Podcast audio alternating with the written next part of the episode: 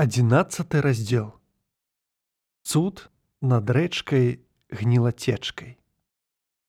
Як нашы вандроўнікі ўбачылі рэчку гнілацечку ўпершыню, надта ўжо ўразіліся. Такога шырачэзнага струменя яны яшчэ не бачылі. Сэндерл падскокнуў і выгукнуў: « Найвялікшая рака свету. А што ён мог сказаць яшчэ пра раку, што ў сто разоў шырэйшае за дармаедаўскі ручай і гэта толькі паводле самых сціплых падлікаў. Сэндерл прастакаваты, які нідзе акрамя дармаедаўкі і не быў. Кніг з дробным шрыфтам не чытаў. Усё, што выходзіла па-за дармаедаўскія маштабы, падавалася яму цудам над цудамі і дзівам невераемным, адзіным і непаўторным.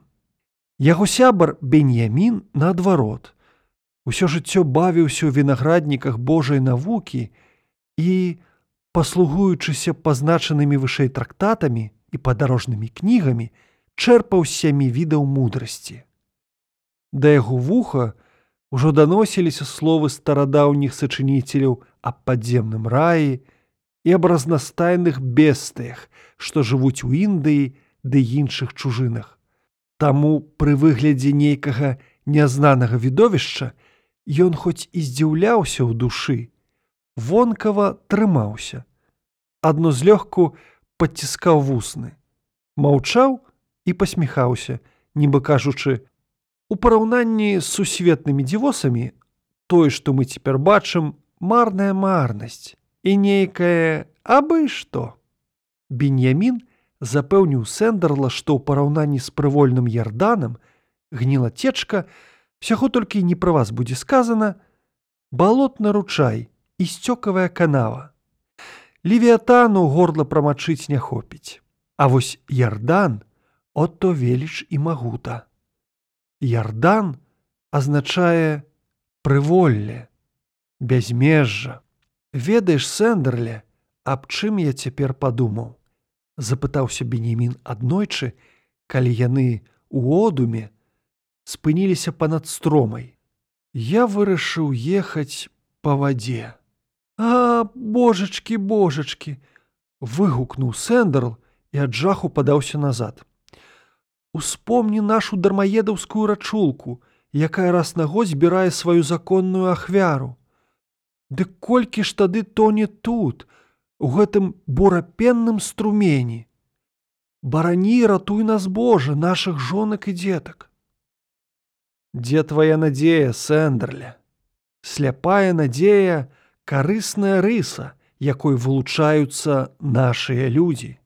З надзеяй, наўслепа, перабавіўся наш бацька якаў праз воды ярдану з дапамогай посаха.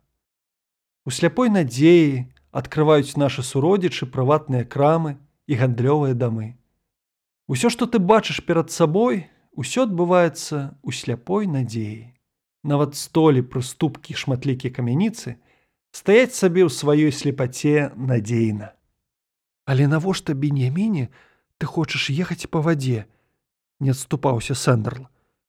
Калі можна па дарозе, маю для гэтага шмат падставаў, адказаў беньямін. Па-першае, падарожжа вадой карацейшае. Нам трэба трапіць туды, як найхутчэй, і чым раней, тым лепей.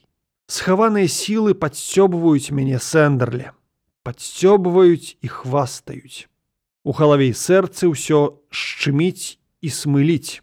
Каб жа мне такія крылы, дык паляцеў бы туды у імгненне вока. Па-другое, па вадзе падарожнічаў беньямін тудэльскі. Калі вырушыў ён, дык яго векапомнае падарожжа працякала па рацэ іберыйскай. Гэтак напісана ў ягонай падарожнай кнізе Бенеміна студэлы. І калі ён у свой час плыў па рацэ, а не ішоў па сушы, дык вынікае, што трэба рабіць гэтаксама, а ніяк інакш. Ён ведаў, што робіць, бо быў такім жа мудрым, як мы сёння мудрыя постфактум спадар беньямін тудэльскі старэйшы за нас ён наш продак таму мы мусім няўхільна следаваць за ім. Няхай будзе так, сказаў Сэндерл. Хочаш па вадзе, маеш па вадзе бенеміне. Калі б наш папярэднік беньямін ездзіў верхам на граблях, мы таксама мусілі б трымацца за традыцыю. Мы таксама мусілі б трымацца за традыцыю. Без лішніх ваганняў асядлалі б граблі і па-трэцяе не адступаўся беньямін. Калі ў будучыні мы хочам плаваць на караблі па вялікім акіяне, дык і зараз нам не зашкодзіць пракаціцца па рацэ, каб прывыкнуць. Пакуль тое ды сёе, лепей мы папрактыкуемся ў сплавах. Вунь дзе бачыш, стаіць чалавек лячоўна. Хадзем, падкінем яму трохі грошай і пакатаемся. Праз нейкі час сабраліся нашы вандроўнікі сіламі, спусціліся да чоўна і паплылі па рэцы гнілацетцы. Спярша трымцелі і пацелі. Сэндерл стаіць несцяты не павешаны, і кожную частку яго цела працінае дрыготка. Яшчэ трошкі, кажа ён сабе. І човен перакуліцца, ды пойдзе, не раўнуючы ядро на дно, і моя жонка зробіцца ўдавою на ўсе дні жыцця свайго але пакрысе з Божай дапамогай крыху ачуняў. Не бойся, сэндерля, супакойваў і суцяшаў беньямін, пакуль яны не прасталі да берага. Млосці ачмур гэта нават добра, бо яны вядомыя сімптомы марской хваробы, якой ніхто з навічкоў пазбегнуць не зможа. У другі раз вось убачыш, тая млосць абміне цябе і ты будзеш здаровы і бадзёры. З таго дня рачныя вандроўкі ўвайшлі ў звычку. І нашы падарожнікі моцна цешыліся з іх. І нагэтулькі ўзняўся іхні дух, што перабавіцца праз рэчку ім было як рэпу згрысці. Беньямін з дапамогай сэндерла загаварыў з уладаром чоўна і закідаў яго пытаннямі кшталту такога. Запытай сэндерле шаноўнага капітана колькі міляў адсюль да мора акіяна? Або спытай пра марскія выспы што за людзі іх насяляюць? І ці ёсць сярод астравіцян нашы людзі? Каму яны плаціць падаткі? І ці зведалі яны ў краіне выгнання? Смак чужыны або запытайся яго сэндерле так на цікавасць пра горы незбона і пра мусульманіна эльтораха. І ці ведае шаноўны капітан пра лёс дзесяці згубленых кален. Зрэшты, можа нешта нейкае і чуў. Яшчэ некалькі пытанняў падобнага кшталту, якія ён беньямін задаваў праз сэндерла. Аднак сціплага запасу слоў, які атрымаў сэндерл са сваіх паходаў на рынок, для абмеркавання такіх высокіх тэмаў не ставала. Таргавацца за цану на яйкі і цыбулю часнык ды іншую гародніну ён яшчэ сяк так. Аднак весці гутарку з капітанам на адцягненыя і навуковыя тэмы ані у гэтых дыялогах сэндерла напаткала няўдача. Ён цяжка кашляў і заікаўся сіліўся тлумачыў усё праз пятое десятое махаў рукамі нагамі трусіў усімі часткамі цела. Пацеў ад цяжкая задача. Калі б Господ Бог убачыў гэтыя натугі, дык яўна б злітаваўся, бо капітан са свайго боку лае, сплёўвае і касавурацца, а беньямін са свайго боку стаіць і з адкрытым ротам чакае рэакцыі на свае запыты. Вось прыклад іхняй размовы. Пра яўрэя чырвонага, Ён пытае, пачаў сэндерл па-іншаземнаму, паказваючы капітану рукой на сябра.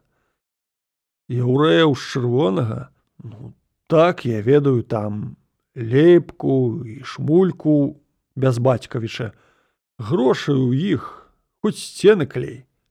Атрымаў сэндерл адказ ад свайго капітана. Ды не шмулька, не, не, Ён пра ізраільцаў тварам чырвоных. Не тутачкі не не як это сказаць па-тутэйшаму. Тамачкі ля самбацьёна шумулька самым бацька?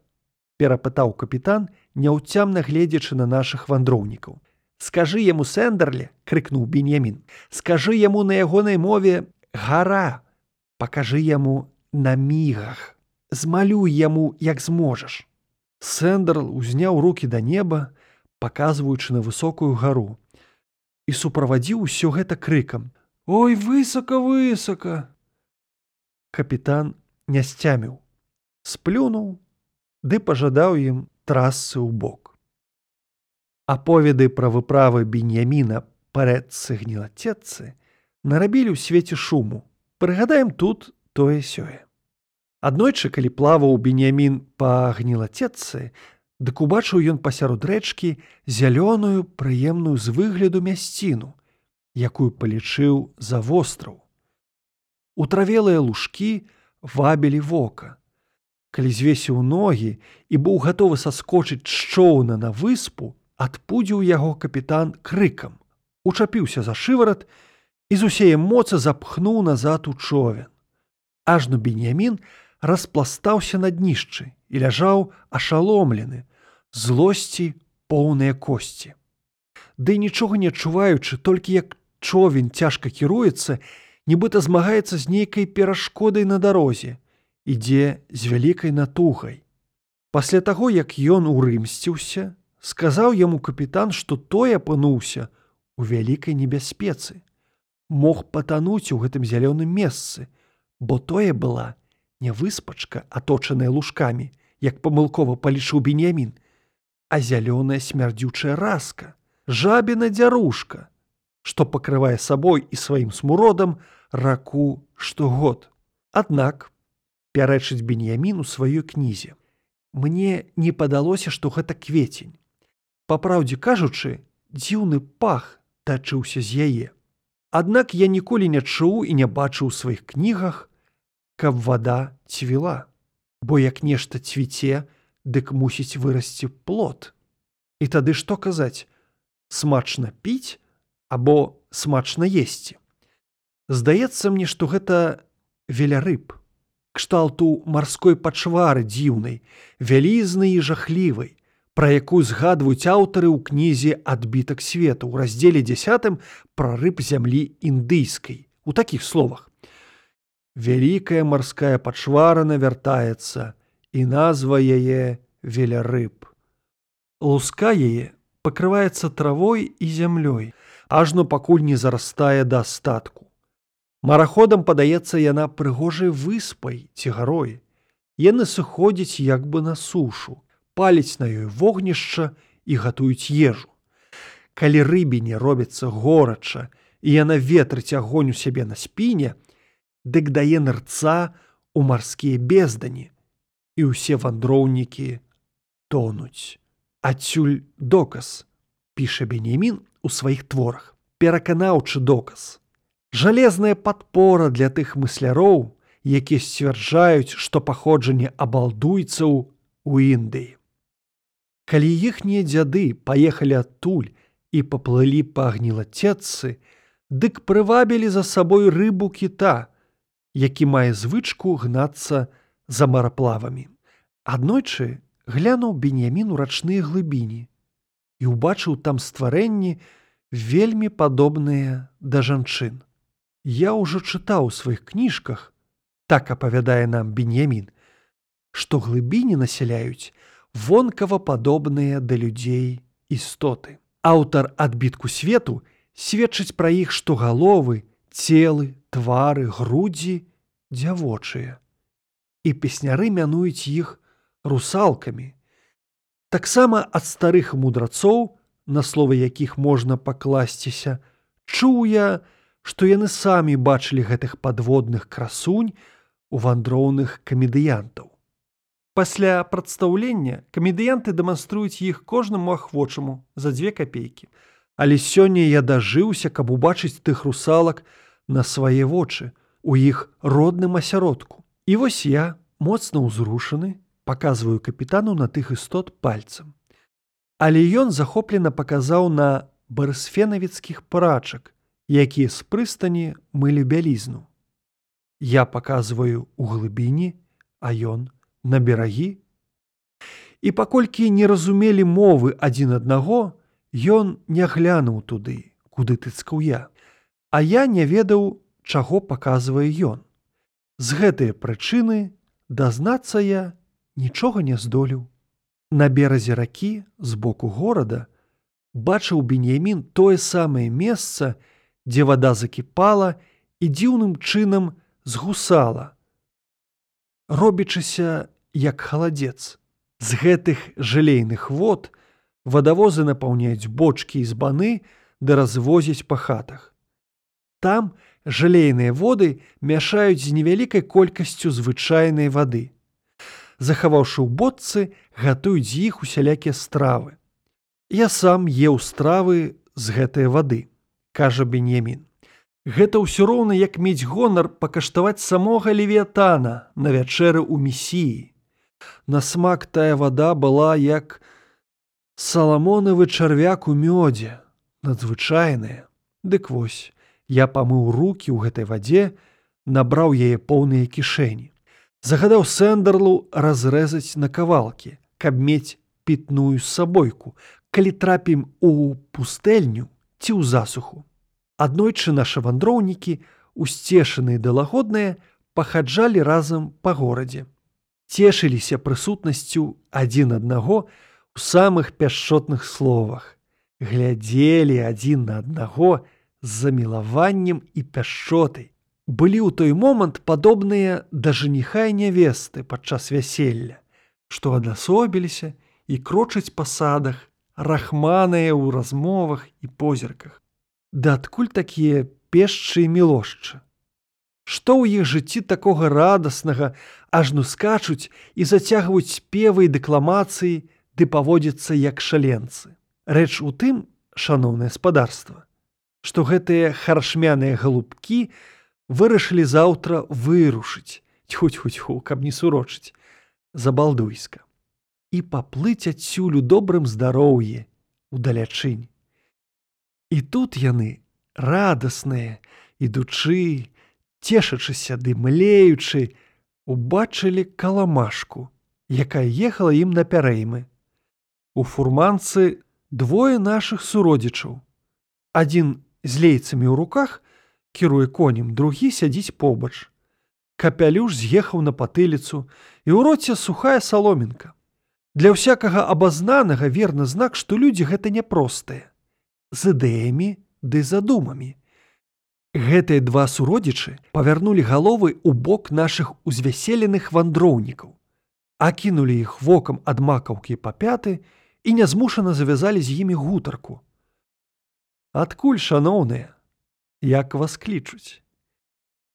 А пасля задалі рэшту пытанняў паводле прынятай у нашых абшчынах завядзёнкі. І вандроўнікі нашы, паколькі іх пыталіся пра прыгоды, з радасцю і ахвотаю шчыра ўсё апавялі. Тыя двое паглядзелі адзін на аднаго, крыху пашапталіся, і той, у якога шапка была на бакір ды саломінка ў роце, прамармытаў шэптам: « Лепш такія, чым ніякія. Браточки, хай жывуць вашы душы, паслухайце, загаварылі тыя двое. Няхай жа і наш горад пацешыцца гасцяваннем дзвюх такіх выбітных асоб, як вы. Просім вас, зрабіце ласку, паехалі з намі, адмовы не прымаюцца. Мама і таткай клянёмся, нашы местачкоўцы сціснуць вас у абдымках, зладзіць пачостку, ды яшчэ гасцінцамі абдораць. Далі Бог, мы з вялікай прыемнасцю зрабілі б гэтак для вашай грамады і вашага горада, адказаў бенемін хіба што заўтра мы пастанавілі выправіцца тьхуць-хуць-ху каб не сурочыць парэцы гнілацетцы пры ўсёй нашай павазе да шаноўна гаспадарства сказалі суродзічы верзяце марную марнасць і некае абы што хіба цар саул прарок агнілацечка рака. Гэта ж брудная канава смярдзючая сажалка гнюсная багна і мярзотнае возера. А вось у нашым мястэчку цячэ барысфен, што, як вядома, уцякае ў мора. І калі прыедзеце з Божай дапамогай, хутка скокніце куды трэба. Таму не дурыце спадарства, лезьце да нас на фурман. Што скажаш? Сэндерля, запытаў Беньямін. Ці варта адгукнуцца на просьбу суродзічаў, да завітаць да іх. Мне што, шкада, адказаў Сэндерл. Хочаш? Паехалі. І, працягваючы гаманіць, залезлі нашы вандроўнікі ў фурманку. Ім як алеем па душы, што іх запрасілі пагасцяваць. Уяўляюць сабе знакі пашаны падчас прыёму. Падчас язды ўсё дыхала асалодай і супакоем. Суродзічы не спускалі вачэй з нашых вандроўнікаў усю дарогу, апекаваліся і вартавалі іх, кармілі усялякімі прысмакамі гэтаксама як кормяць парадзіху. Ніколі нават у снах не ведалі нашы дармаедаўцы такога прыемнага жыцця. Назаўтра ўвечары прыбылі яны ў барысфенавічы. Суродзічы правялі іх у заезны дом і зладзілі ім урачыстую вячэру. Сёння вы змарыліся і здарожыліся, сказалі суродзічы. Таму ідзіце ўжо спаць. А заўтра з Божай дапамогай, калі будзеце ў поўным здароўі, прадставім вас важным асобам гэтага горада. Закінем слоўка за вас. Калі пашэнціць, то вас абдораць усім неабходным і праводзіць у дарогу належным чынам. Заставайцеся здаровыя і салодкіх вам сноў. Нашы вандроўнікі прачыталі ў ложку вечаровую малітву. Потым, як наказвае звычай, крэкчучы ды варочаючыся, пачухалі жываты і папазяхалі. Ажно пакуль не наваліўся на іх магутны сон. Пра галоўную рэчку. У мойхерсфорама рэчка, да якой едуць нашы вандроўнікі, называецца продан, анаграма ад Днепро. У продане цурчыць намёк на роднаснасць самай галоўнай яўрэйскай рэчкай ярданам. Перакладчык таксама вырашыў крыху пагуляцца і ўзяў эліністычную назву дняпра барсфен дзеля захавання флёру антычнай кніжнасці.